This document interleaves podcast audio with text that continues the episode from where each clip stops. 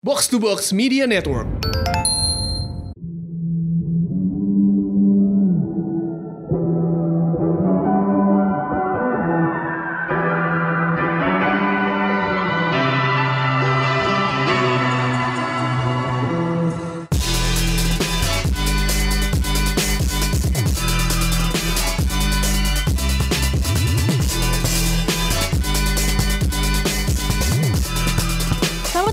Showbox Podcast minggu ini Ada gue Lisa. Gua Angga. Dan gue Stanley. Dan kita hari ini akan ngomongin apa nih guys?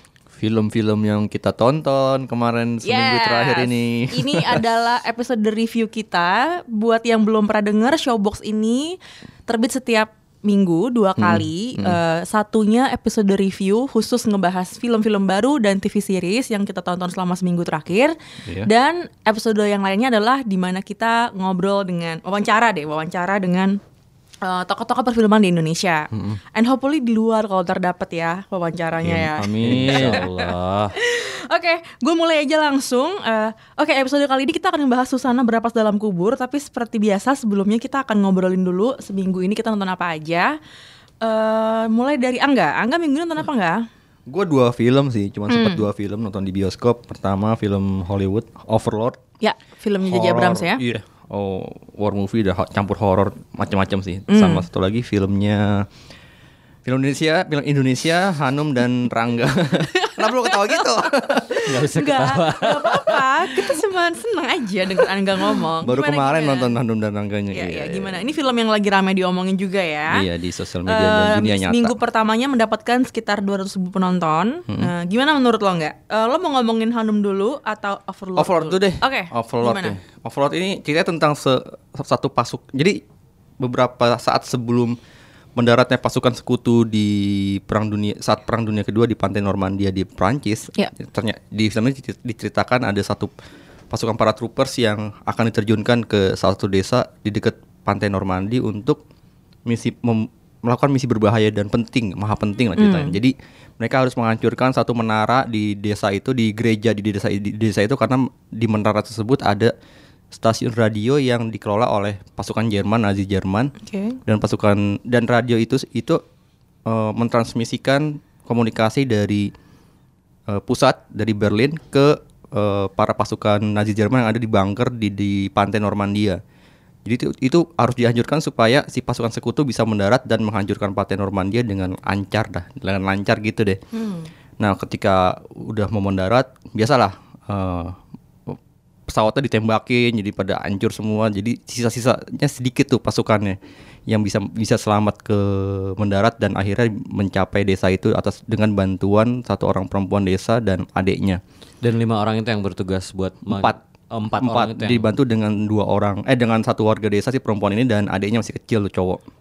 Oke. Dan ternyata ketika mereka harus eh, menghancurkan apa namanya menara itu di, di gereja ternyata di gereja itu di gereja itu ada pasukan Jerman Nazi Jerman dan para peneliti di para peneliti dari dari Jerman yang sedang melakukan eksperimen menakutkan gitu deh menurut gue. Jadi eh, mereka tuh sedang membuat eksperimen mengubah manusia jadi kayak pasukan abadi kan abadi Hmm. yang kuat banget yang bisa sembuh Zombie. total ya kayak zombie Not necessary Tapi- zombie sih kayak Iya ya eh, lebih kuat, lebih cepat gitu dan Oke. itu banyak. Inhuman aja Inhuman Iya, jadi mereka sedang mengembangkan satu serum itu untuk disuntikan ke tubuh siapa pun yang menjadi kelinci percobaan dan banyak yang gagal, banyak juga yang udah jadi gitu dan itu menyeramkan sih. Dan akhirnya selain mereka harus menghancurkan si pasukan ini selain harus menghancurkan menara, mereka juga harus menghancurkan satu eksperimen itu karena itu menyangkut menyangkut soal, soal etika segala macam lah gitu.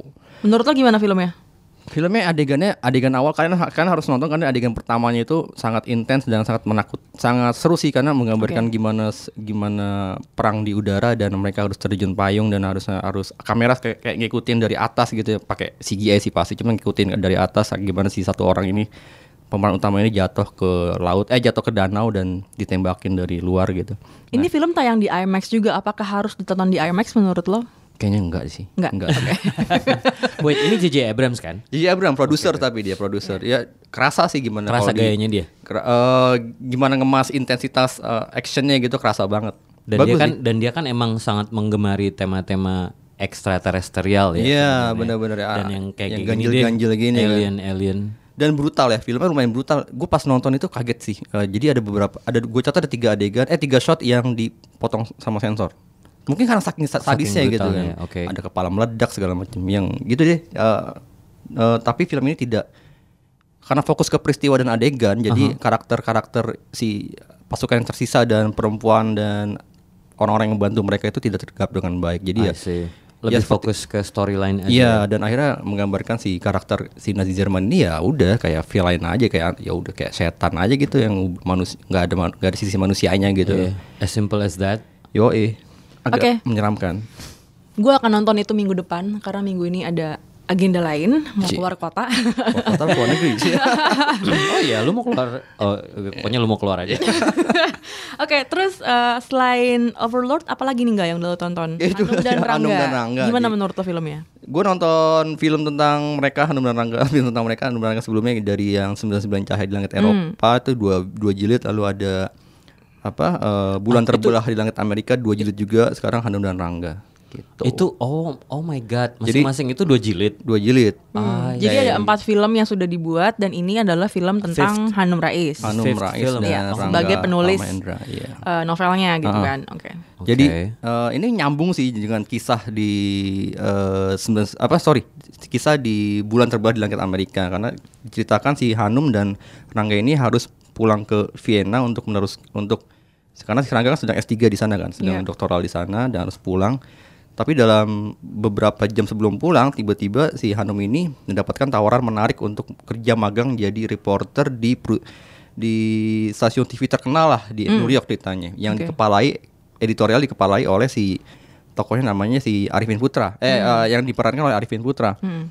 Eh, ya udah akhirnya si Hanum eh, awalnya dia nggak nggak pengen tapi karena didukung oleh suaminya akhirnya dia karena dia pengen ikut suaminya cuma karena suaminya akhirnya mendukung ya udah akhirnya dia baik lagi eh, tetap Oke. stay di situ didukung oleh suaminya mereka selama tiga minggu di sana tapi selama perjalanan eh, selama perjalanan dia jadi reporter dia harus bergelut dengan eh, gimana pekerja media yang ternyata tidak sesuai dengan bayangan media televisi tidak sesuai dengan bayangannya dan dia harus bertemu juga dengan isu-isu kayak semacam Islamofobia ya yang- sebenarnya. Islamofobia ada ada personal juga soal rumah Oke. tangga perselingkuhan segala macam kayak gitu sih dan akhirnya Gimana film- menurut lo filmnya?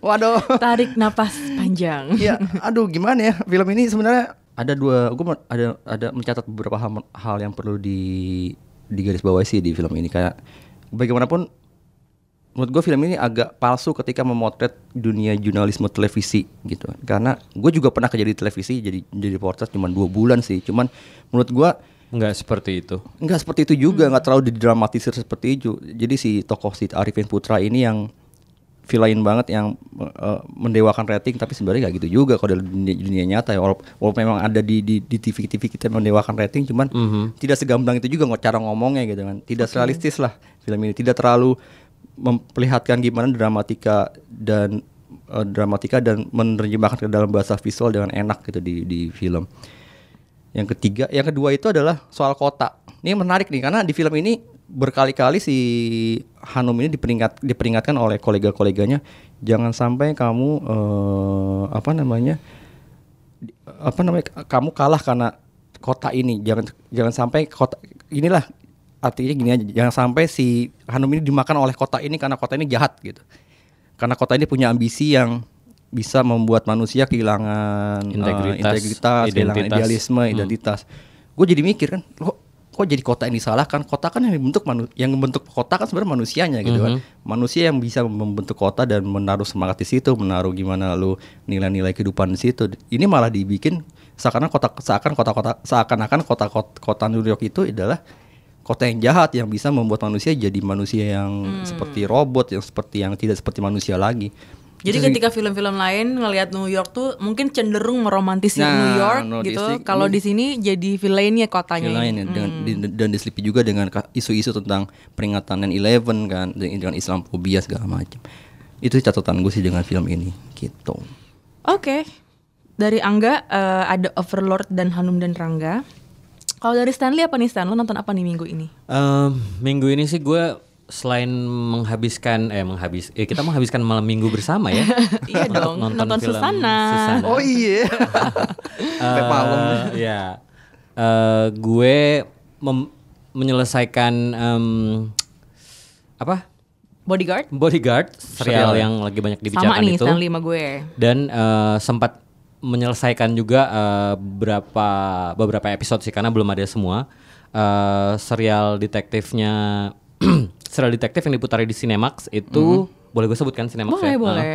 Em, yang diangkat dari novelnya eh, J.K. Rowling sebagai eh, alias penulis lain itu dan menurut gue sih eh, seru aja ngebandingin dua serial detektif ini karena sama-sama bersetting di London sama-sama membawa kita ke apa ya istilahnya gaya penceritaan eh, film detektif khas Inggris yang cenderung gloomy terus eh, bedanya memang eh, ada satu yang dua-duanya cukup slow tapi ternyata ada satu, salah satu yang lebih slow lagi gitu.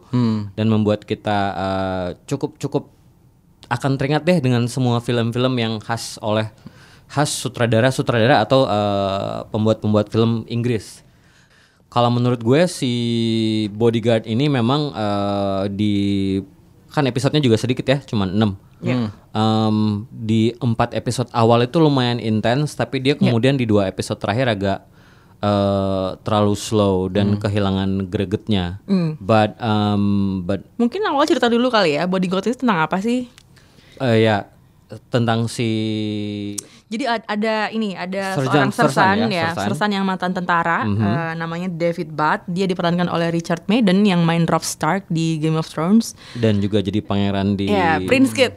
Prince Kid di Cinderella. Cinderella. Ya. Oh iya. Yes, it's, it's him. Ya, it's him. Jadi dia jadi sersan yang seorang mantan tentara eh, yang menggagalkan aksi teror di London, Yes. gitu ya. Dan karena prestasinya ini, lalu dia dinaikin, dipro- dipromosiin lah ya, Yes. dikasih tugas spesial untuk menjaga, Menjaga untuk jadi bodyguardnya eh, seorang menteri. eh, sek- apa Home Secretary-nya Inggris, Hmm. namanya Julia Montag yang diperankan oleh eh, Killy, Ho- Killy House. Killy House ini ada di main jadi eh, main di Line of Duty juga sebagai Lindsay Danton dan Line of Duty ini sebenarnya salah satu serial yang juga dibuat sama Jet Hmm. Mercurio juga yang buat Bodyguard. Jadi abis buat abis buat Line of Duty dan beberapa serial lainnya dia bikin Bodyguard ini gitu. Oke. Jadi diambillah si Killy House ya sebagai apa castnya dia yang dulu gitu. Hmm, Nah gitu sih sebenarnya ceritanya. Terus menurut lo gimana?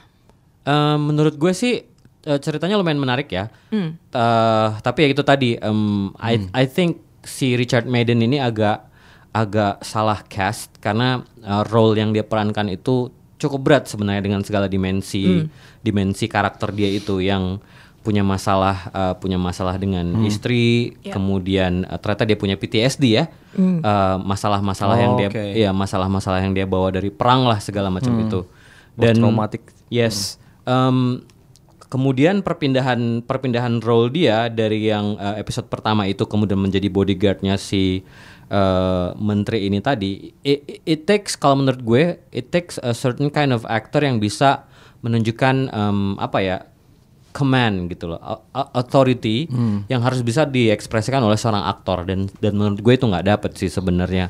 It should it requires another kind of actor untuk bisa jadi seperti itu. Bahkan ada beberapa adegan, maksud gue sesi intim ya antara si bodyguardnya dengan si menteri itu yang eh, mungkin kameranya salah atau gimana segala macam.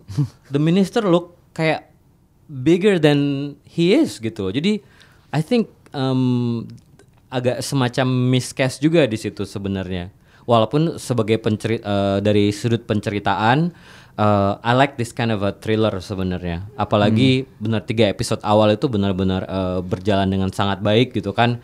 There are so many memorable scenes, memorable killings kayak gitu segala macam. Ya, I mean like a, a shocker sih sebenarnya. I'm like everyone internet is talking about those scenes sebenarnya. How how how the scenes are being being taken in very continuous shot gitu segala ya? macam. Iya. Keren ya. Tek- Secara teknis oke berarti ya. Secara teknis oke kok. Secara teknis oke. Gue juga nonton ini minggu lalu dan gue tertarik banget karena gue nontonnya bisa kayak edik gitu karena kan dari awal dia udah suspense udah kebangun ya Yes, dia langsung ke like to the point gitu langsung Yes. ke actionnya gitu jadi kayak lo dari awal udah udah masuk ke sebuah masalah dan Yes. kayak wow oke dan itu kebangun banget ya menurut gue jadi dia tuh gabungan antar dia thriller juga tapi dia prosedural polisi juga gitu Yes, yes, yes, karena itu dia. ceritanya tuh eh, jadi ada misterinya gitu loh siapa Yes. yang melakukan ini dan siapa yang jadi kayak lo ber, jadi lo kayak punya teori berkonspirasi oh jangan-jangan si ini sih Nah. dan itu yang bikin asik banget buat ditonton Yes. kan gitu Ini ini tuh kalau bisa dibilang ya eh, tipe-tipe serial yang kayak 24 deh.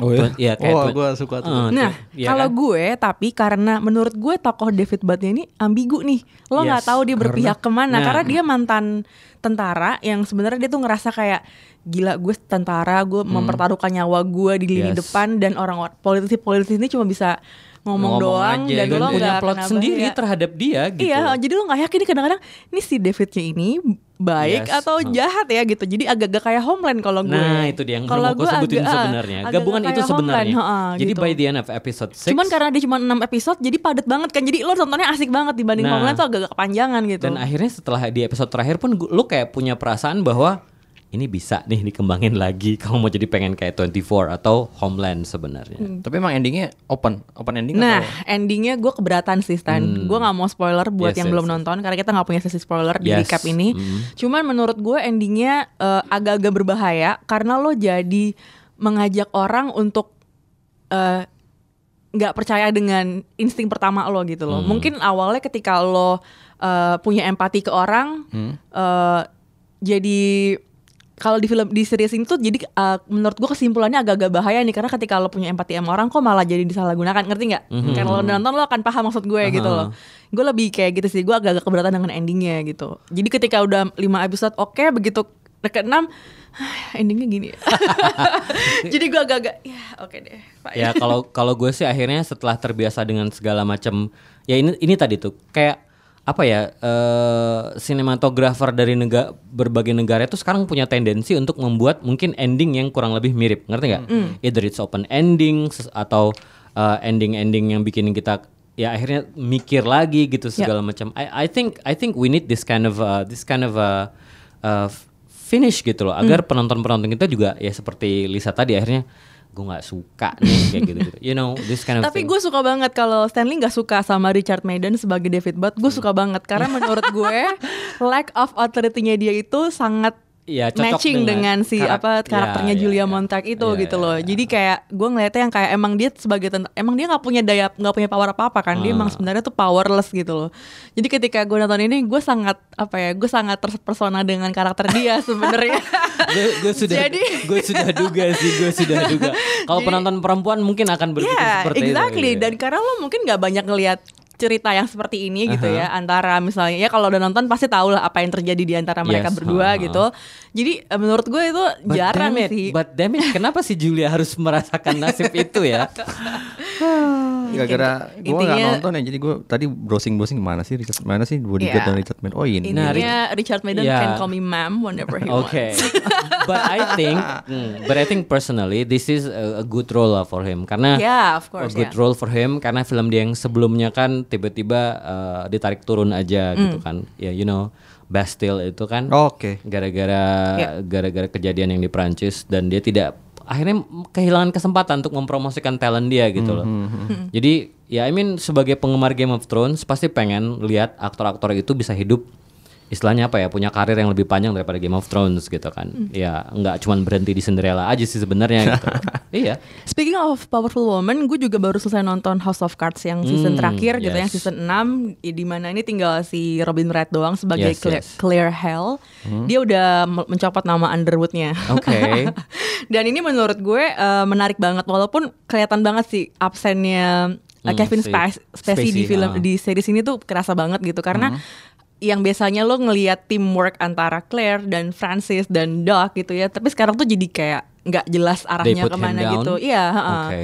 gitu. Dari awal film tuh emang ini nggak akan bukan spoiler ya, karena Oke. emang dari awal film dari awal Oh, series iya. udah dijelasin kalau dia tuh meninggal gitu loh. Dan the whole series itu about kayak siapa sih sebenarnya yang ngebunuh Francis ini Oke. dan sebenarnya dia matinya tuh kayak gimana Oke. gitu. Dan siapa yang musuh dan siapa yang yang teman gitu kan. Oke. Jadi eh, gitu. Dan gue suka banget karena dinamika antara Claire dengan eh, dengan orang-orang di sekitarnya itu Hmm. menurut gue sang- karena lo jarang ngelihat posisi perempuan di tempat di Yes. dapat itu ya dapat Aha, aha. dapat authority yang segitu Yes. gede gitu ya Hmm. jadi lo bisa melihat gimana ketika dia dicerca ketika dia dis- disisir kalau lo ngeliat cowok digituin lo akan tahu reaksinya akan kayak kenceng atau apa Hmm. Yes, gitu yes, tapi yes. ketika cewek digituin tuh lo jarang lihat itu di di, di Iya. serial televisi iya Claire tuh ya. cuman kayak dia kan ICS banget kan Oke, reaksinya oke. tuh dingin ha, sekali ha. gitu ya jadi kayak menurut gue itu menarik banget ke menurut gue depthnya kerasa banget nih si Oke. Mhm. Robin Wright mainin Claire di season terakhir ini gitu loh gitu sih jadi gue dan ada adegan ketika dia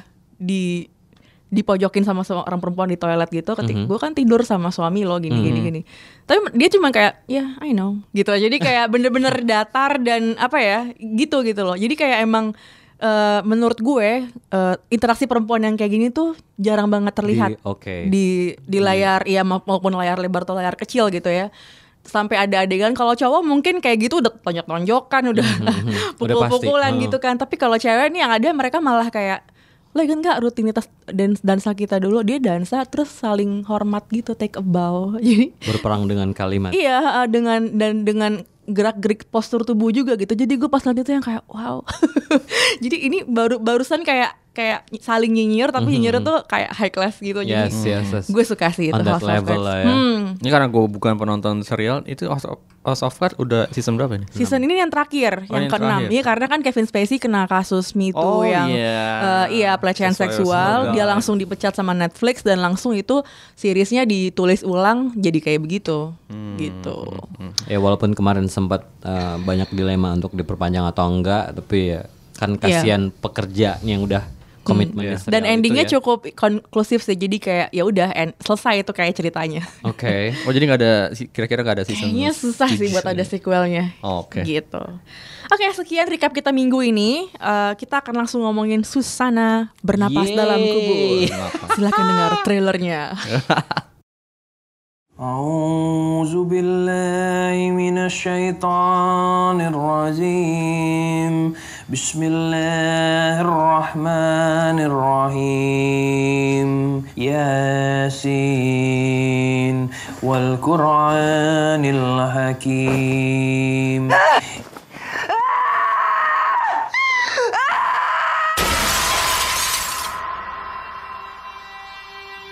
Akhirnya penantian kita selama lima tahun terkabul juga, Mas.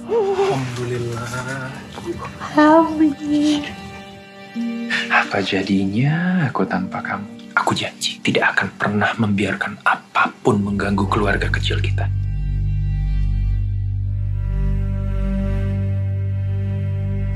Saya ada ide. Kita rampok rumah Satria.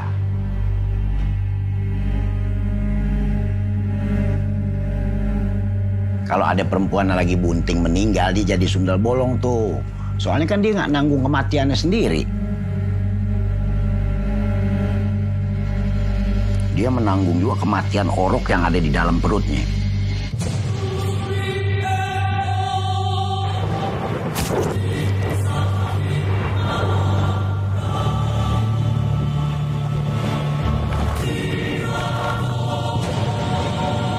Makanya dia jadi arwah penasaran yang kuat.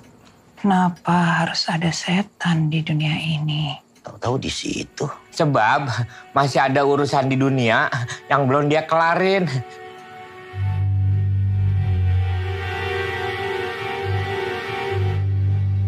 Ada karyawan pabrik digangguin sama sundel bolong. Katanya penjelmaan ibu. Ada beberapa berita yang membicarakan hal yang tidak-tidak tentang keluarga kita. Sungguh aku lihat Susana, dia berubah menjadi sundel bolong. Bye.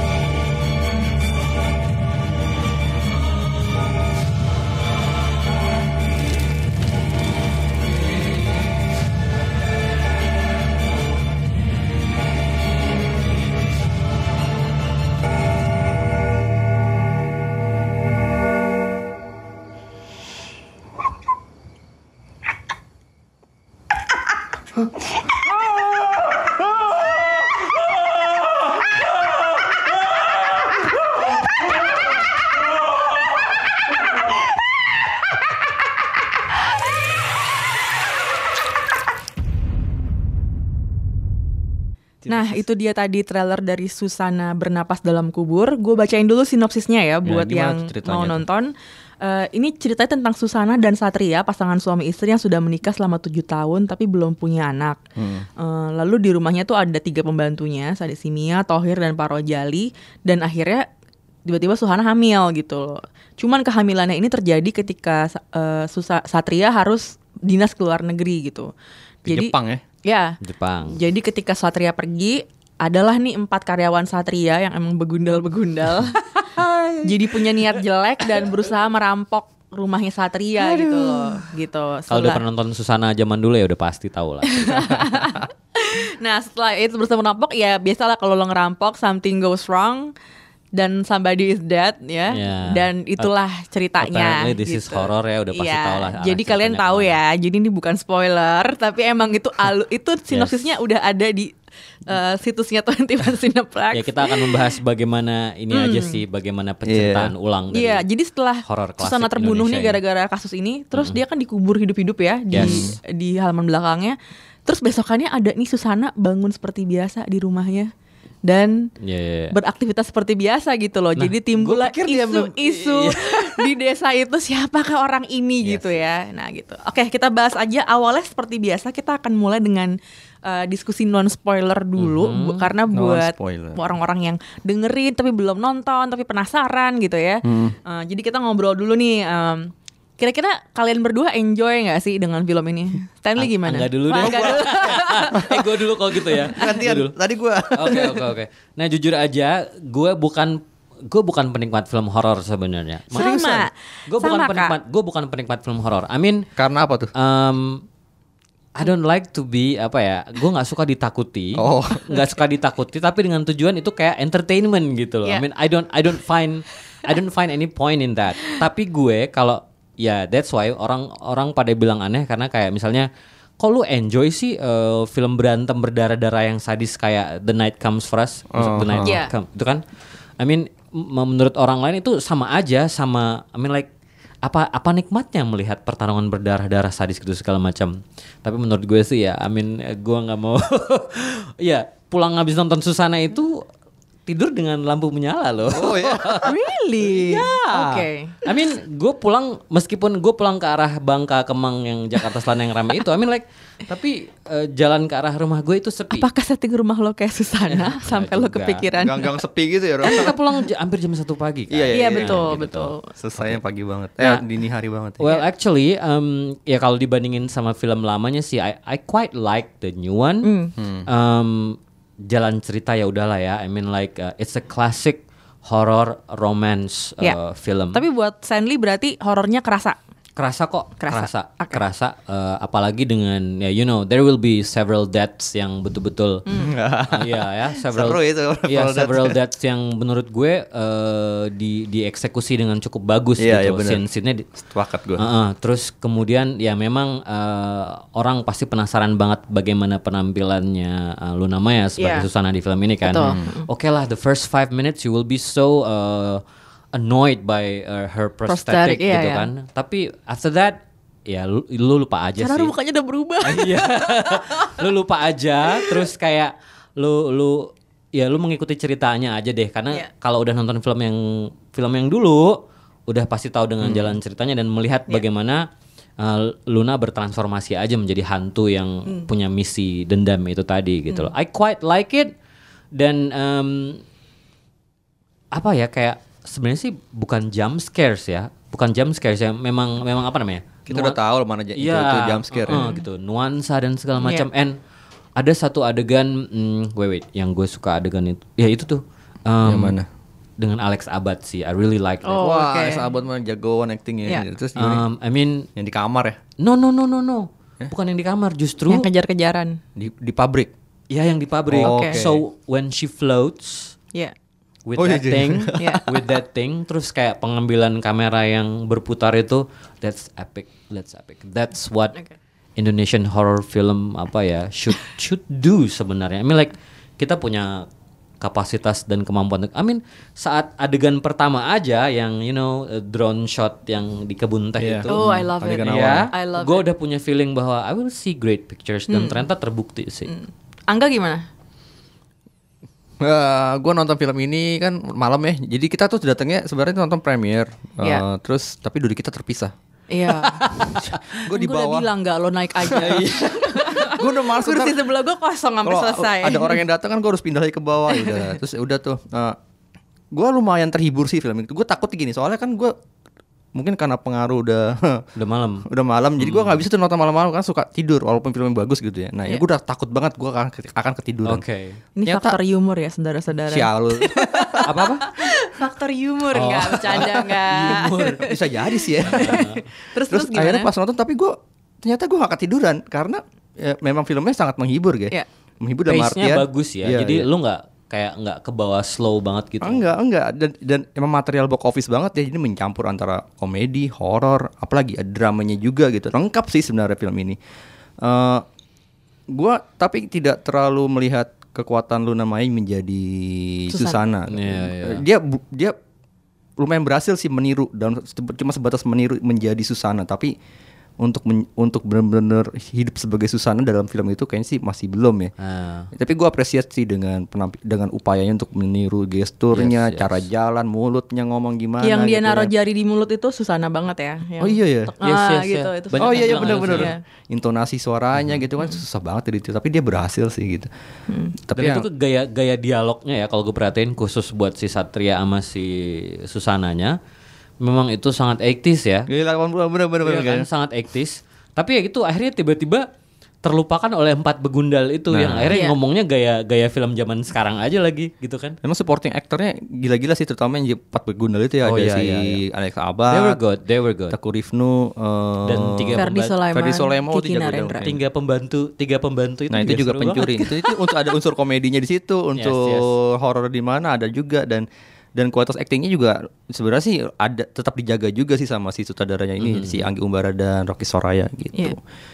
Adegan Tapi serem nggak menurut lo? serem beberapa eh, Oke. adegan-adegan pentingnya serem Eh, kayak yang tadi Stanley bilang di pabrik dan gue lumayan serem juga yang di itu sih si Alex Abad yang digangguin dalam ya Oh iya iya. iya. Wah, itu seru It- banget sih, itu, men. Itu agak ya it- it's quite disturbing dan lu pasti bakal ingat dengan ini sih apa? Eh, Friday the 13 ya. Yang nggak boleh tidur gitu Iya, ya. makanya it's like wow wow. Makanya karena kan kita tuh akhirnya menunggu kayak kapan akhirnya nih orang mati setelah nggak bisa tidur bermalam-malam gitu karena like, Iya. he was struggling so hard. Gue tuh berpikir tau gak sih jadi kayak waktu si tukang pijatnya datang, I really would like to see blood on his back. Ternyata kagak ada. Mungkin sudah panggil The Mo Brothers Iya. dulu berubah. Mungkin iya betul betul. Akhirnya berubah lah film jadi sangat berdarah-darah ya. Mungkin ya menurut gue menarik nih kalau Susa, universe-nya Susana nih Soraya nge-hire saudara yang beda-beda karakter? Ah, Satu ya, The Mo Brothers, interesting, ya, ya, satu siapa gitu kan. Menurut gue lebih seru. Nah kalau kalian ada ngerasa ini ada elemen horornya, gue enggak loh. Gue kan Oh, iya? cemen banget ya. Oke. Seperti yang sudah gue ungkap di episode sebelumnya, gue nangis nonton. Oh nonton iya, benar. Hill House, tapi gue nonton Susana ketawa pure. Buat gue ini pure komedi dari Iya, awal iya, sampai iya. akhir. Gue nggak tahu kenapa. Mungkin ada atmosfer dalam bioskop yang juga membuat gue ketawa dan instead of ketakutan gitu Iya, ya. kebetulan kita nonton dikelilingin iya, orang-orang orang-orang yang, yang reaksinya tuh ketawa-ketawa. sih. emang kayak Heeh. begitu. Tahu kan Susana kan khasnya kan manggil nama kayak Stanley. Aduh, capek. Ah. Oh, hati-hati Itu nanti nggak berani pulang loh. capek banget. itu capek gue pure ketawa. Oke. Bagi gue itu nggak nggak sama sekali nggak hair raising, Oh nggak iya. sama sekali nggak Hmm. nggak ini gitu. Apalagi Karena ini sih, ap- sorry gue potong. Apalagi ini ya, kita tahu itu suara Luna Maya gitu. Ya Iya. menurut, menurut gue itu kayak. Karena menurut gue kita ini sudah ada di era gini. jadi menurut gue menarik banget keputusannya si Rocky Soraya dan Anggi Umbara untuk bikin film Susana yang pure kayak tahun 80-an 90-an gitu yang bener-bener formulanya ya kayak gitu gitu. Iya, iya, hantu tuh hantu tuh terbang-terbang pakai baju putih panjang, rambutnya panjang terus ketawanya "Eh," yang yang melengking kayak Yes, gitu gitu uh. loh. Jadi eh, itu nggak nggak nggak jadi menurut gue mungkin ketika gue kecil gue nonton itu gue takut gitu Betul. mungkin gue akan kayak "Ah, ini apaan gitu Aha. tapi ketika ya gue sekarang nonton gue yang kayak itu apaan sih kayak ketika maksud gue dan maksud gue emang ce- kan storytelling itu kan ada perubahannya gitu ya menurut gue ketika lo nonton film-film lain lo apa yang membuat lo takut sebelumnya mungkin lo nggak bikin lo takut lagi setelah Hmm, sekian iya, iya. tahun gitu dan Aha. ini yang terjadi di gue ketika gue nonton Susana gitu Hmm. gue inget ketika kecil gue ketakutan nonton film dia tapi setelah kalau nonton film yang dari Soraya Intersen film ini gue nggak kerasa sih gitu. Jadi gue lebih kayak ini pure komedi banget. Apalagi ketika beneran adegan komedinya yang ada Opi Kumis, Asri Wallace sama Ance itu Bagus. Wah gue lepas ketawanya, le- lepas banget kayak wah ini gila itu sih. trio chemistry dapat banget. Wah ya. gila tuh bertiga. Mereka kayak apa- Kalau nggak dapat nominasi tahun depan Yes. ya.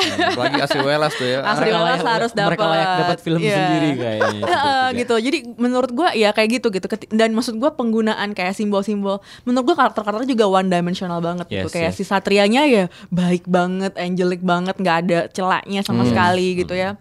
Dan maksud gue eh, ketika ada film kayak Pengabdi Setan di mana penggu- dia tuh mengkritik penggunaan agama di film horor gitu kan. Jadi kayak ketika lo sholat lo malah disetanin gitu ya. iya, iya. Dan di film ini masih balik lagi ketika ada orang ngaji terus dia kepanasan gitu. Jadi Iya, kayak iya, jadi menurut gue emang ini film Susana produk produk budaya di di masyarakat kita tuh tahun 80-an 90-an gitu. Jadi Hmm, ketika yes, yes. ditayangin sekarang tuh jadinya lucu gitu kayak Oh. eh, oke gitu kayak I've seen something different and now I'm seeing this gitu kayak reaksi gue kayak gitu. Dan mungkin kalau menurut gue sih em, akan cukup bagus buat generasi milenial, apalagi yang lebih muda daripada kita. yang, Kita yang, muda loh. Udah loh gue. Denial. yang Tapi mungkin ini loh masih. yang tidak tahu Gen Z, betapa- Gen Z. Oke, yang tidak tahu betapa ikoniknya Susana zaman zaman Betul, dulu gitu iya, ya. heeh. Supaya mereka kayak em, membangkitkan penasaran aja who is this Susana yang everyone's Iya. talking about yang diperankan oleh Luna Luna Maya gitu segala Iya. macam. Karena eh, pada intinya memang em, kayak plot cerita sih udah nggak penting lagi kan karena si bernafas dalam kuburnya adalah warisan budaya sih sebenarnya. Iya bener, warisan budaya gitu loh. Udah harus dilihat dengan sudut pandang seperti itu. Gue punya loh VCD-nya. Right? It's- it's- yang mana nih? Yang mana? Original ah. It's cult. Yang mana? Bernapas dalam Bernapas da- lumpur. Eh lumpur ya, kok kubur sih ya itu. It's cult gitu kan. Ya istilahnya em, dengan Bang Joko bikin Pengabdi Setan versi 2017 ya. Versi 2017 ya. Kita gua rasa sih akan akan melihat eh, banyak film cult Indonesia lain yang akan di remake Ya. dengan visi-visi baru sutradara-sutradara kita yang berbakat gitu. Potensial sih Ya, emang. I'm happy gitu loh. Kalau gue sih tapi ngeliat Luna Maya memang gue sama kayak Angga. Ini gue Luna lebih eh, meniru. Gue Hmm. agak-agak berharap ini interpretasi, interpretasi dia tentang Susana. Tapi mungkin karena keputusan sutradara ini film Yes. plek-plekan kayak zaman dulu ya. Mungkin cara Luna seperti itu ya pas banget sih buat film ini. Karena kalau dianya beda terus konsep filmnya zaman dulu agak aneh juga kan jadinya gitu. Dan emang ini filmnya film supporting cast sih menurut gue memang. Yes, they Emang- drive the story. right? Iya, menurut gue kenapa gue betah dari awal sampai akhir dan kenapa itu jadi sebuah tontonan yang enjoyable banget buat gue itu karena Tengku Rifno, Ferdi Sulaiman, Yes. Alex Abbas, Kiki Narendra, Encai Bagus, Ovi Kumis sama Asri Welas gitu. Iya, karena iya, mereka bertujuh itu gue jadi sangat menikmati cerita ini gitu kayak oh karena dia mewakili kita kan sebagai penonton yang wah ada cewek ini setan orang gitu kan kayak gitu. Apalagi adegan di kamar yang Asri Si- Welas disuruh bawa Oh. wah itu Oh gue pure God. komedi itu gold itu, banget. itu, itu, itu. Kalian harus ya. Intensnya lucu, lucu in- apa? itu lucuannya peak- intens banget. ya. humornya tuh di situ banget sih gitu loh. humor tapi juga ya you know Iya. lah ada ada teknik melihat setan itu yang aduh itu kayaknya setelah yang gue sebenarnya berharap gue nggak tahu sih sebenarnya gue Iya. nggak mau tahu. I heard of Lo that tutup mata gak sih nonton itu pas ada Enggak. kemunculan si sundel bolong ini? Enggak, gue enggak. I Oh, heard enggak of I heard of that technique sebenarnya. It's quite a classic technique. Iya. Di di urban legend gitulah segala macam. Iya, tapi ya pada akhirnya kayak wow, mereka Iya. mengeksekusi bagian itu Iya. di film ini gitu. It's quite Iya. interesting gitu. Iya. Dengan diperankan sangat baik oleh supporting castnya Yes, gitu yes, kan. yes, yes. Itu gila sih. Can't miss lah Iya. yang adegan itu. Terus gimana kalau menurut lo production desainnya? Karena gue ketika filmnya baru mulai kan ada montage pembukanya yang agak-agak vintage gitu, itu gue suka banget pembukaannya. Yes. Menurut gue tuh bagus banget dan itu bener-bener ngeset moodnya ke kita nonton film ini kayak wow oke kayak Susana zaman dulu dengan dengan lagu-lagu agak-agak klasik gitu. Yes, yes. Gue suka banget dan dibuka dengan aerial shot yang di kebun Yes. teh itu, oh gue suka banget. Kalian gimana? Iya, uh, sinematografi film ini sih wah gila ya. Si Bang Ipung Rahmat Saiful tuh Hmm. Emang namanya? gue iya Iya. Iya, aku salah. Iya, menurut, menurut gue sih bagus. Kameranya bagus. movement kamera worknya asik banget sih. Ter- Iya. and bahkan yang pas di kam- di dalam ruangan ketika si si sebelum ini eh, pembunuhan ini terjadi ketika si Susana datang ke rumah dan empat orang begundal ini masih dalam rumah itu kan kamera bergerak loh Iya. dalam ruangan ngikutin Hmm. si pergerakan si empat begundal dan si Susana itu kan itu itu kan ruangan sempit ya Yes. tapi bisa didesain sedemikian rupa jadi kayak kita ngikutin aduh duh, ketakutan Dan aduh, duh, suspense-nya ketahuan kerasa nih. ya. Iya, suspense kerasa I really like the white shot sih. Jadi itu memberikan kayak at the same time memberikan kita perasaan lapang mem- melihat memberikan potential untuk ngelihat uh, uh, set yang sangat bagus tapi at the same time juga memberikan perasaan takut ya karena um, ya intimidate saja especially yang adegan itu di mana empat perampok itu ya akhirnya kepergok sama Susana gitu. Hmm. Tiba-tiba kamera uh, Yes. ngeliat Bagi Susana gue itu yang paling menegangkan dari film ini. Jadi bukan ketika Susana jadi setan, tapi ketika How she itu mau terjadi Ya, gitu gue ada kan. ya. ketika lihat adegannya gue berharap gini loh berharap empat orang begundal ini udah lu keluar keluar keluar nggak usah sampai ngebunuh Susana gitu kan betul betul betul. Gue juga merasa Gue seperti berpihak itu ke loh. Tengku Rifnu di situ. Iya bener, jang, lo ambil aja barang, tapi Betul, jangan betul. bunuh orang Iya, gitu kan kan. kan udah bener keluar kan Yeah, but I know. Ferdi Sulaiman is a trouble. anjir tuh orang actingnya. Iya ya, I mean like saat saat dia kayak bilang saat dia memutuskan untuk menyelesaikan semuanya dalam tanda kutip, I know this guy is a trouble and I know that he will ya yaudahlah, you know. Tapi satu juga sih logika cerita ini lumayan diperbaiki di- udah pasti ya karena Hmm. di- ini kan remake. Karena di sini ada ada dialog yang me- menjelaskan bahwa Sundel Bolong itu ya tidak bisa ngebunuh orang gitu. Dia cuma Yeah. bisa nakut-nakutin dan mempengaruhi. Dan itu benar sih. Maksudnya dalam artian kan kita tahu lah di ajaran agama juga setan itu nggak bisa ngebunuh gitu kan. Itu nggak terjadi di film-film sebelumnya. Gue sempat nonton Malam Jumat Kliwonnya tahun 86 Susana juga yang main. Logika-logika seperti ini tidak di, tidak dijabarkan. Tiba-tiba aja gitu setan yang muncul Ya. dan ngebunuh orang dan kita nggak bisa tahu itu kenapa sebabnya Yes, gitu. yes. Menarik sih. Gue nontonnya legal ya. nonton. Ya, dan, dan setidaknya setelah nonton film ini ya in case ya amit-amit bertemu dengan sundel bolong ya you know what to do lah. Itu serem banget sih sendal bolong, kuntilanak, sendal bolong, pocong. Aduh mah, gue nggak mau juga sih. Kalau dari segi ininya gimana musik? itu musiknya lumayan loh. Musiknya juga cukup mendukung sih. Gue horor sih yang nyanyi-nyanyi Yes, yes, yes. ala-ala opera. Yes, yes. Surprisingly ada opera itu bagus banget ya. Iya. Maksudnya cukup mendukung suasana intens dan keseraman kengerian yang ingin ditampilkan. Apa lagi ya? Ada lagi yang mau di sebelum kita masuk ke sesi spoiler. Udah kali ya. Hmm. Boleh. Boleh. Sekarang kita masuk ke sesi spoiler. Yang belum nonton terserah ya mau dengerin atau enggak. Tapi menurut gue nonton dulu ya. Abis itu balik balik dengerin podcast kita lagi. Oke. Lanjut ke sesi spoiler.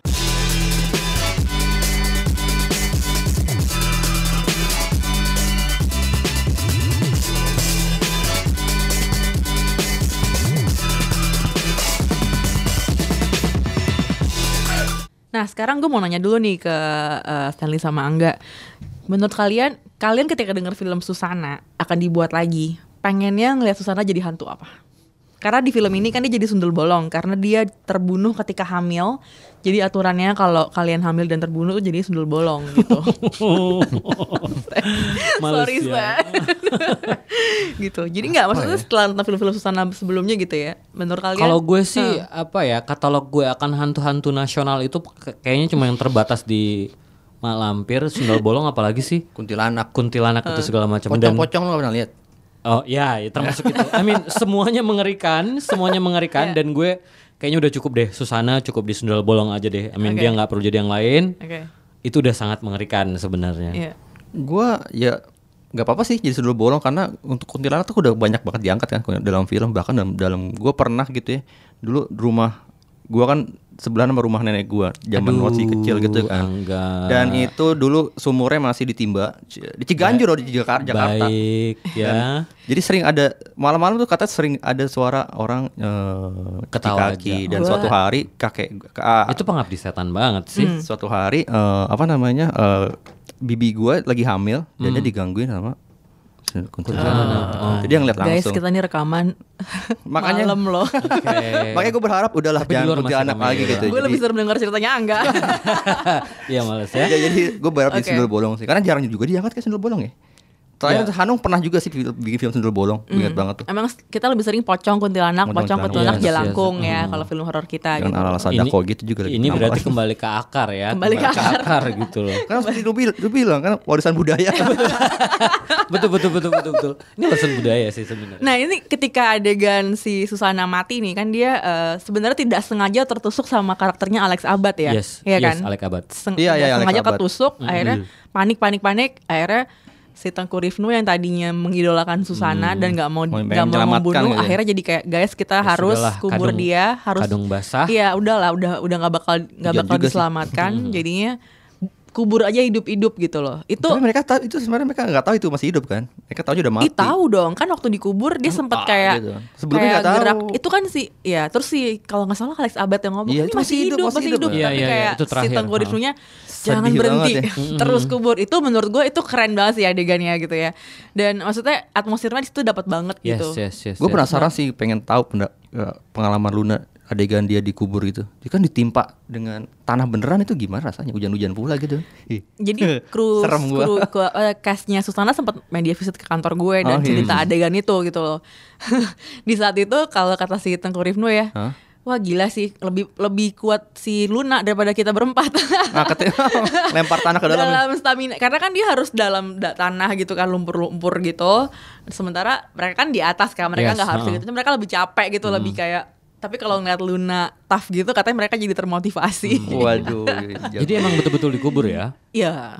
serem Kayak dengan ekstra hujan-hujan itu lagi ya. Hmm, gitu. Tapi ya mungkin yang beneran dikubur pada akhirnya ya mungkin yang bu- yang pas ketemu sa- yang ditemukan oleh Satria ya mungkin itu bukan Luna ya, mungkin itu eh, boneka aja gitu karena kaku banget kan badannya. Sayang ya di film itu tidak, di- tidak ditampilkan gimana si Luna itu eh si Luna lagi Susana itu keluar dari kubur. Kalau di film dulu kan ada yang Iya. zur keluar keluar. Nah, nah itu kan 80-an banget ya. itu bisa sangat menyeramkan sebenarnya. kalau- Iya iya exactly ya Iya, benar iya, benar iya. benar benar. Tapi gara-gara film ini juga gue jadi kayak terrefresh kembali bagaimana ya si Susananya mati sebagai karakter gitu loh. Maksudnya Ya. pas dia ketusuk what, what was that actually? Itu kayak bambu. Bambu kan Bambu gede banget panjang loh. gitu iya, heeh. Tahu itu. Nggak cuman panjang tapi diameternya gede banget men. Jadi kayak Nggak ya kayak pisau gitu nggak ya, Ah, itu udah, bambu Ya bener-bener. udah itu bolong bener-bener Iya, bolong. literally gitu. kalau lo ang, lo ya bener sih tengku, ang, karakter Tengku Rifnu ya kalau lo selam, lo nggak bakal selamat juga ini Iya, kalau di, cabut kalau juga dicabut tetap aja juga. mati. cabut juga bagian situ Iya. udah lepas dari tempatnya gitu loh. I mean like so scary. Gara-gara adegan itu gue jadi baru inget, oh this is how she died. Wow gitu loh. Tapi kalau dari karakter eh, dari empat begundal yang satu persatu mati itu, menurut kalian yang paling ikonik yang mana? Gue Gua Alex gue Alex Abad. Abad, ya.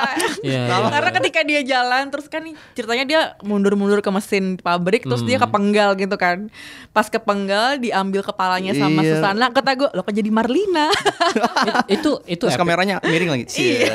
itu epic sih. Epic ya? Iya. Itu epic banget. Iya. That's that's how uh, horror film should be. Dari awal dari pas di kamar kan yang pas Best dikerokin. of 2018 Alex Iya, Abad di Alex Susana. Abad sih. itu gua pas adegan dikerokin itu dengan air berdarah-darah itu gua ngerasain kayak duh, duh, duh, sakit. Aduh iya itu ngilunya berasa sakit. sih. Nah, Kita kayak juga ngerasain berasa. ya gitu. Heeh. Iya. Dan- itu Aduh. kayak itu adegannya menarik banget karena kayak literally semua orang tahu ini, ini bukan si cewek ini ini Susana nih yang datang. Tapi kayak shit banget dengan uh, Yes. dengan angle yang cuma dari samping nggak diliatin siapa yang masuk terus kayak tetap ngobrol seperti biasa. Bahkan dengan ada suara kayak gitu masa dia nggak nyadar sih. dan, dan kita dan gue gue nggak tahu gue pas gue pas nonton tuh antara ketawa takut ya gitu Iya iya. campur-campur Saya Iya, iya, nonton kebanyakan tak ketawa takut ketawa takut gitu ya. Sampai akhirnya kamera bergerak aja udah. Hmm, aduh ternyata dia Terus Ya. apa lagi adegan-adegan yang Apa ya? memorable? Mungkin jangan yang mati-mati kali ya, tapi Ah. yang lain-lain gitu. Ada nggak? Apalagi ya? em, yang itu kalau gue sih yang si tiga tiga pembantunya ini yang eh, mencoba untuk membuktikan oh, bahwa iya, ini iya, si iya, iya, iya. I like majikannya itu sebenarnya I like that bolong atau well. bukan dengan I like dengan. Dari percakapan mereka itu. aja di ruang makan tuh gue udah ketawa banget. Dari yang Opi, Opi Kumis bilang, iya itu ya maksudnya nanti kan kalian kalau nonton denger sendiri Iya, ya iya, itu itu sangat menghibur banget ya. Ya, pas si siapa Mia ya Siapa? tokoh si Asli Welas itu pas di, di- disuruh masuk untuk Iya. membuktikan dengan cermin itu kan tidur masa setan tidur dia berusaha untuk tidak mau masuk tapi juga Iya. ngasih argumentasi gitu Iya, tapi dan itu menang banget. Itu bagus "Kan loh itu." tidur gitu. Nah, apa bagi bagi kamu yang belum nonton uh, film ini, nanti setelah nonton film ini pasti juga akan merasa bahwa ya you know, mungkin di antara kita tuh sebenarnya sih udah ada sundul bolong yang beraktivitas di antara kita. Dan lo nggak tahu. Ya. aduh gue merinding sampai lo pada Karena lo dengan- nggak ngelihat pakai kain Iya. No, no, no, dengan cara ngomong yang berbeda, dengan Iya. ekspresi yang udah aneh, yang Iya. tiba-tiba nongol aja Iya, gitu iya, kan iya, segala iya. macam. Dan karena kan saat transisi antara setelah dia ditimbun dengan tanah terus adegan besok paginya Udah ya tidur itu bangun dari tidur ya. Bangun seperti biasa, bersih lagi gue badannya. juga berpikir Iya. kayak Tapi awalnya dia kan abisnya megang ke punggungnya Ah, bedah. dia- Karena memang sundul bolong, udah punggungnya udah bolong gitu loh. Yes. Tapi itu nggak dijelasin ya kenapa tiba-tiba dia bersih Iya. lagi gitu. Hmm, Iya betul. Ada Iya. dia pakai beberapa baju Iya. yang constantly putih tapi bersih Tapi aja. iya bersih aja jadi nggak punggungnya nggak bolong ya Yes, kalau yang segala pertama- macam Hmm. daster dan terusan aja gitu. Iya, gitu. bebas lah ya pokoknya putih Hmm, panjang ngawang-ngawang gitu. Sebel. Aduh. adegan di hutan, adegan di hutan yang Itu eh, bagus kameranya tuh. Fer- Oh iya. iya iya, I like that lewat tuh. set, ya, Oh, si gue ini suka yang datang. pas eh, pas si dukun sih, gue suka itu. Si dukun itu gue suka. Itu dukun Oh, dari iya. namanya aja gue udah ketawa turu. Iya iya iya iya. iya. Iya. Iya iya benar-benar dukun yang turun dia, dia bisa ti- tidur ya. Jadi emang kemampuannya tidur dulu baru Tidur. dia paham siapa yang siapa yang Eh, datang. kalau apa menurut kalian terjadi ini eh, tapi ini 17 tahun ke atas sih ya. 17 Iya, 12 tahun ya. ini ya. Oh ya kita lupa merah. ngomongin ini ya, Ya. ngomongin eh, Ini tolong sensornya. diingetin. 17 tahun ke atas. Jangan nonton bareng anak-anak ya. Yes. Iya. Karena ada beberapa adegan yang memang udah deh konsumsi dewasa aja. Betul. Meskipun ini uh, film horor terkenal yang ya yun- kita kita kita tahu lah ya film horor Indonesia tuh sangat mampu menarik pengunjung segala macam. But for the sake of mental dan segala macam tonton film sesuai umur aja deh. Betul. Sesuai klasifikasi usia. Hmm. Kalau di kalau di film ini kan eh, eh, si Susana sebagai sundel bolong dia dicoba di coba di apa ya di dimatikan dengan di kepalanya dimasukkan di ditusuk dengan gunting ya nggak salah ya. Chris. Eh Chris ya. Oh ya Yes, sorry sorry Chris Chris. itu. Nah kalau di, di film dulu itu pakai paku loh. Ya. Gua, Iya, ya yang kan? gue tahu juga sebenarnya itu harusnya paku, Paku ya. ya, kenapa keris ya gitu. Lebih ini kali ya, like- karena keris kali ya, Ya, karena ya, keris ya. gitu. Gue suka sih penggantian itu sebenarnya. Jadi eh, agak lebih masuk akal dan nyambung dengan ya si siapa tadi tuh si Paku. Turu itu. Oh situ oh, si dukun. Ya si dukun gitu. I mean em, nyambung aja dengan mungkin alternatif yang selalu diberikan oleh dukun gitu. Hmm. Instead of paku ya keris aja udah gitu. Seru sih ya adegan itu ya Mas jadi kayak Ya, ya, I suruh like- that actually, tembok walaupun- gitu. Kalau secara alur berarti film ini oke ya. secara logika cerita Kepanjangan gak sih? Enggak sih, Enggak cukup sih. direct sih sebenarnya, cukup direct. Pace-nya nggak lambat gitu Hmm, segala macam. Dan basically ya sekali lagi buat yang udah penonton versi 80-an ya lu Hmm. hanya akan melihat bagaimana adegan-adegan itu di rephrase aja sih. Iya. gue sama kenapa nggak merasa ini kayak film Anggi gitu kayak film memang mereka film dua orang ini Rocky Soraya dan Yes, Anggi kalau betul, Anggi Umbara betul, tidak seperti itu kan Betul, gue kan. nggak ngerasa Nah. itu filmnya Anggi sih. Sedikit info, film ini kan awalnya disutradarai Anggi Umbara. Oh ya terus? Terus dia pindah nih jadi ke Rocky Suraya dan eh, kalau yang gue baca-baca adalah jadi itu film di remake Hmm. 70% sama Rocky. Oke. Gitu. Iya, jadi memang ya kalau eh, lihat Angga, ini adalah- Angga ngerasa ini enggak Tidak seperti film-film seperti Anggi. filmnya Anggi ya memang itu karena Iya, memang itu di remake gitu oh loh. makanya nama Anggi pun ada di nomor Second. urutan kedua ya kan Rocky Iya. Soraya dan Anggi Umbara gitu. Hmm, gitu. Jadi memang itu di remake dan Ada apa ya sebenarnya? apa? Bisa di remake begitu? Iya, jadi cut pertamanya ini kalau yang gue baca-baca udah sampai empat setengah jam dan 70% di antaranya tuh hasil reshoot I see. gitu. Iya. Gitu sih, jadi syutingnya 52 hari. Jadi serius penggarapan. 52 hari itu lama Iya, banget loh lama untuk banget. Lama kok. Dan emang bagus ya Hasilnya cukup memuaskan Iya. sih menurut Terlihat lah ya kualitas Yes, uh-huh, eh, apa sih shoot apa gambar-gambarnya gitu-gitunya. Menurut kalian kekuatan film ini apa? Gue sih mencatat ini sih. eh, ketika nonton film ini gue kepikiran pernah baca beberapa buku sama hasil penelitian gitu. Ya. Jadi sebenarnya film Indonesia itu film horor-horor Indonesia itu hantunya tuh didom- didominasi oleh perempuan dari zaman Orde Baru sampai sekarang. Oke. Ternyata tuh ada sebabnya dulu kenapa Orde Baru, kenapa film-film di Orde Baru, film-film horornya itu hantunya perempuan karena ini kayak semacam manifestasi dari eh, perempuan yang direpresif, direpresi oleh dominasi laki-laki Oke. dan akhirnya Betul. dalam film dia stand out sebagai hantu yang bisa me- bisa me- menunjukkan oke. kekuatannya gitu. Se- Semacam compensation Nah gitu itu ya. dia dan gue pas nonton film ini, wow juga sih ini kayak membalikan lagi itu gitu kan. Oke. Menarik sih sebenarnya. Makanya itu yang membuat gue agak khawatir ketika oke misalnya Susana ini kayaknya bakal laku ya. Kayaknya aku sih kayak bakal sih laku dan kayaknya ak- kalau film laku kan dibuat terusan gitu ya. Dan Aduh. Nah, kalau itu tuh. kalau dibuat lagi dibuat lagi berarti lo mengembalikan eh, sesuatu yang sebenarnya sudah diupdate nih misalnya pemahaman paham pemahaman pemahaman seperti itu ya enggak. Itu yang gue membuat gue agak-agak kenapa sih harus ya maksudnya gitu. Gue berharapnya nanti Soraya bisa berani untuk ngasih maksudnya eh, mem- membebaskan Membata- sutradara Oke. ya mungkin nggak sama kayak yang dibuat Rocky ini gitu loh. Mungkin dibuat dengan cara lain, dengan genre lain misalnya atau Yes, gimana yes, gitu yes. loh. Karena kan Susana nggak semuanya horor filmnya. Betul. Karena yang bernapas dalam lumpur itu dia drama kan, dia lebih ke drama. Rumah tangga sih. emang. Iya, heeh. maksudnya yang kayak gitu-gitu gitu loh. Gua harap sih si karakter eh tokoh Susana dan karakter Susana ini bisa lebih kaya ya dibanding dia cuma sekedar jadi sundel, Sundel bolong, bolong Heeh, gitu. Ya walaupun Kayak gitu. walaupun ya gue nggak melihat em, I don't know, gue nggak melihat setelah film ini Hmm. Luna Maya akan muncul lagi sebagai Susana.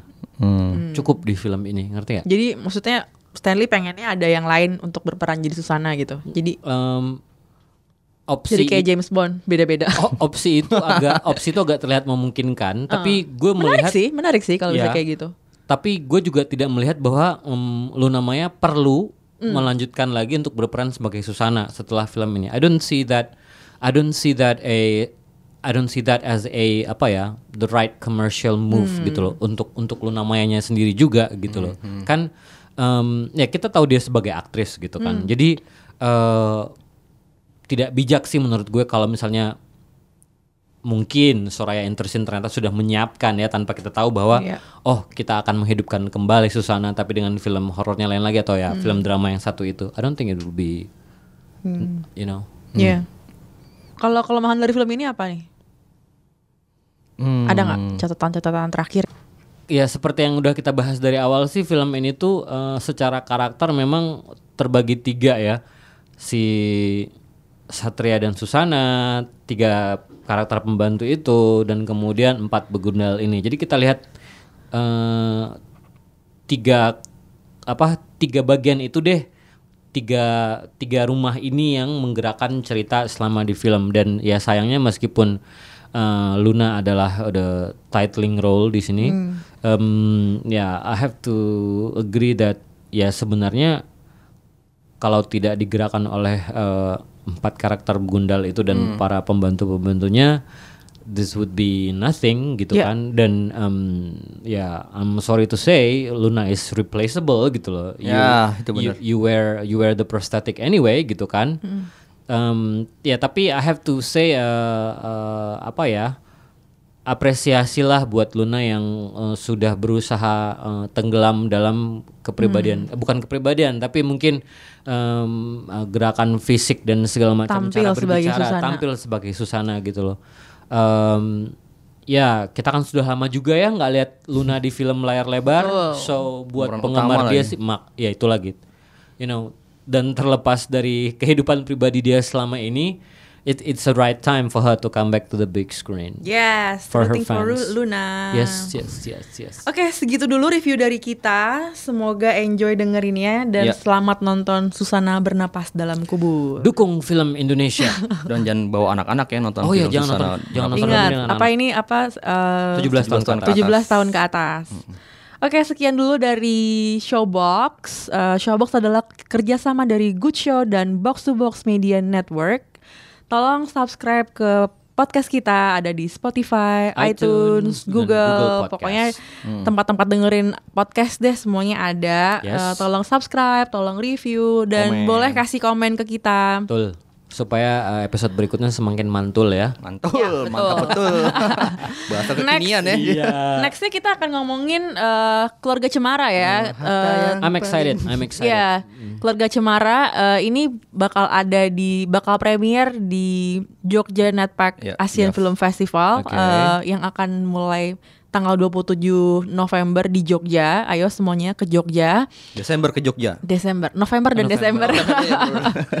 Jadi keluarga Cemara bakal premier di sana dan akan mulai tayang secara eh, umum di Indonesia 3 Januari, Januari. Masih lama 2019. sih. Oh, masih Iya. lama ya? Jadi Oke. ini filmnya Yandi Lawrence. Lawrence. Film pertama, film panjang pertama yang Yandi Lawrence. Hmm, dibintangi oleh Ringo Agus Rahman dari Rina Nazubir, Nazubir. Zara Jakarta 48, Dan Widuri Putri Widuri Sasono. Iya. Putri Sasono anaknya. Dwi Sasono Dwi Sasono dan Widi Widi Ebitri Ebitri. Ya, kita bakal ngomongin eh, next kita bakal ngomongin keluarga Cemara dan kita bakal ngomongin sebuah film pendek nih, ya. Hmm. Karyanya Edwin Oh iya, variable number Iya, three. Variable Oke. number three. Ini juga bakal ada di JAV minggu depan. Eh, dua minggu lagi, dua minggu lagi. Dua minggu lagi. Iya. Dua minggu lagi. Dua minggu lagi kita bakal bahas ini. Eh, pokoknya next edition kita kayaknya special JAV ya. Yoi. Special JAV ya buat mendukung salah satu-satunya Festival film festival film di Indonesia. Nih udah 13 tahun mereka tetap jalan dan kita akan dan kita juga akan ke Jogja ya. Enggak. Asik. Stanley ikut nggak ke Jogja? Ayo dong, Stan. Oh, nanti kita lihat ya. Cuti, Stan, cuti, cuti. Stanley baru mulai kerja di tempat baru, jadi Aduh, mungkin cutinya iya, agak-agak iya, iya. sulit. Agak-agak sulit. Kalau. Lisa ngabisin cuti, jadinya eh, akan berangkat ke Jogja full. Oke, sekian dulu dari kita. Bye. Thank you for listening. Thank you.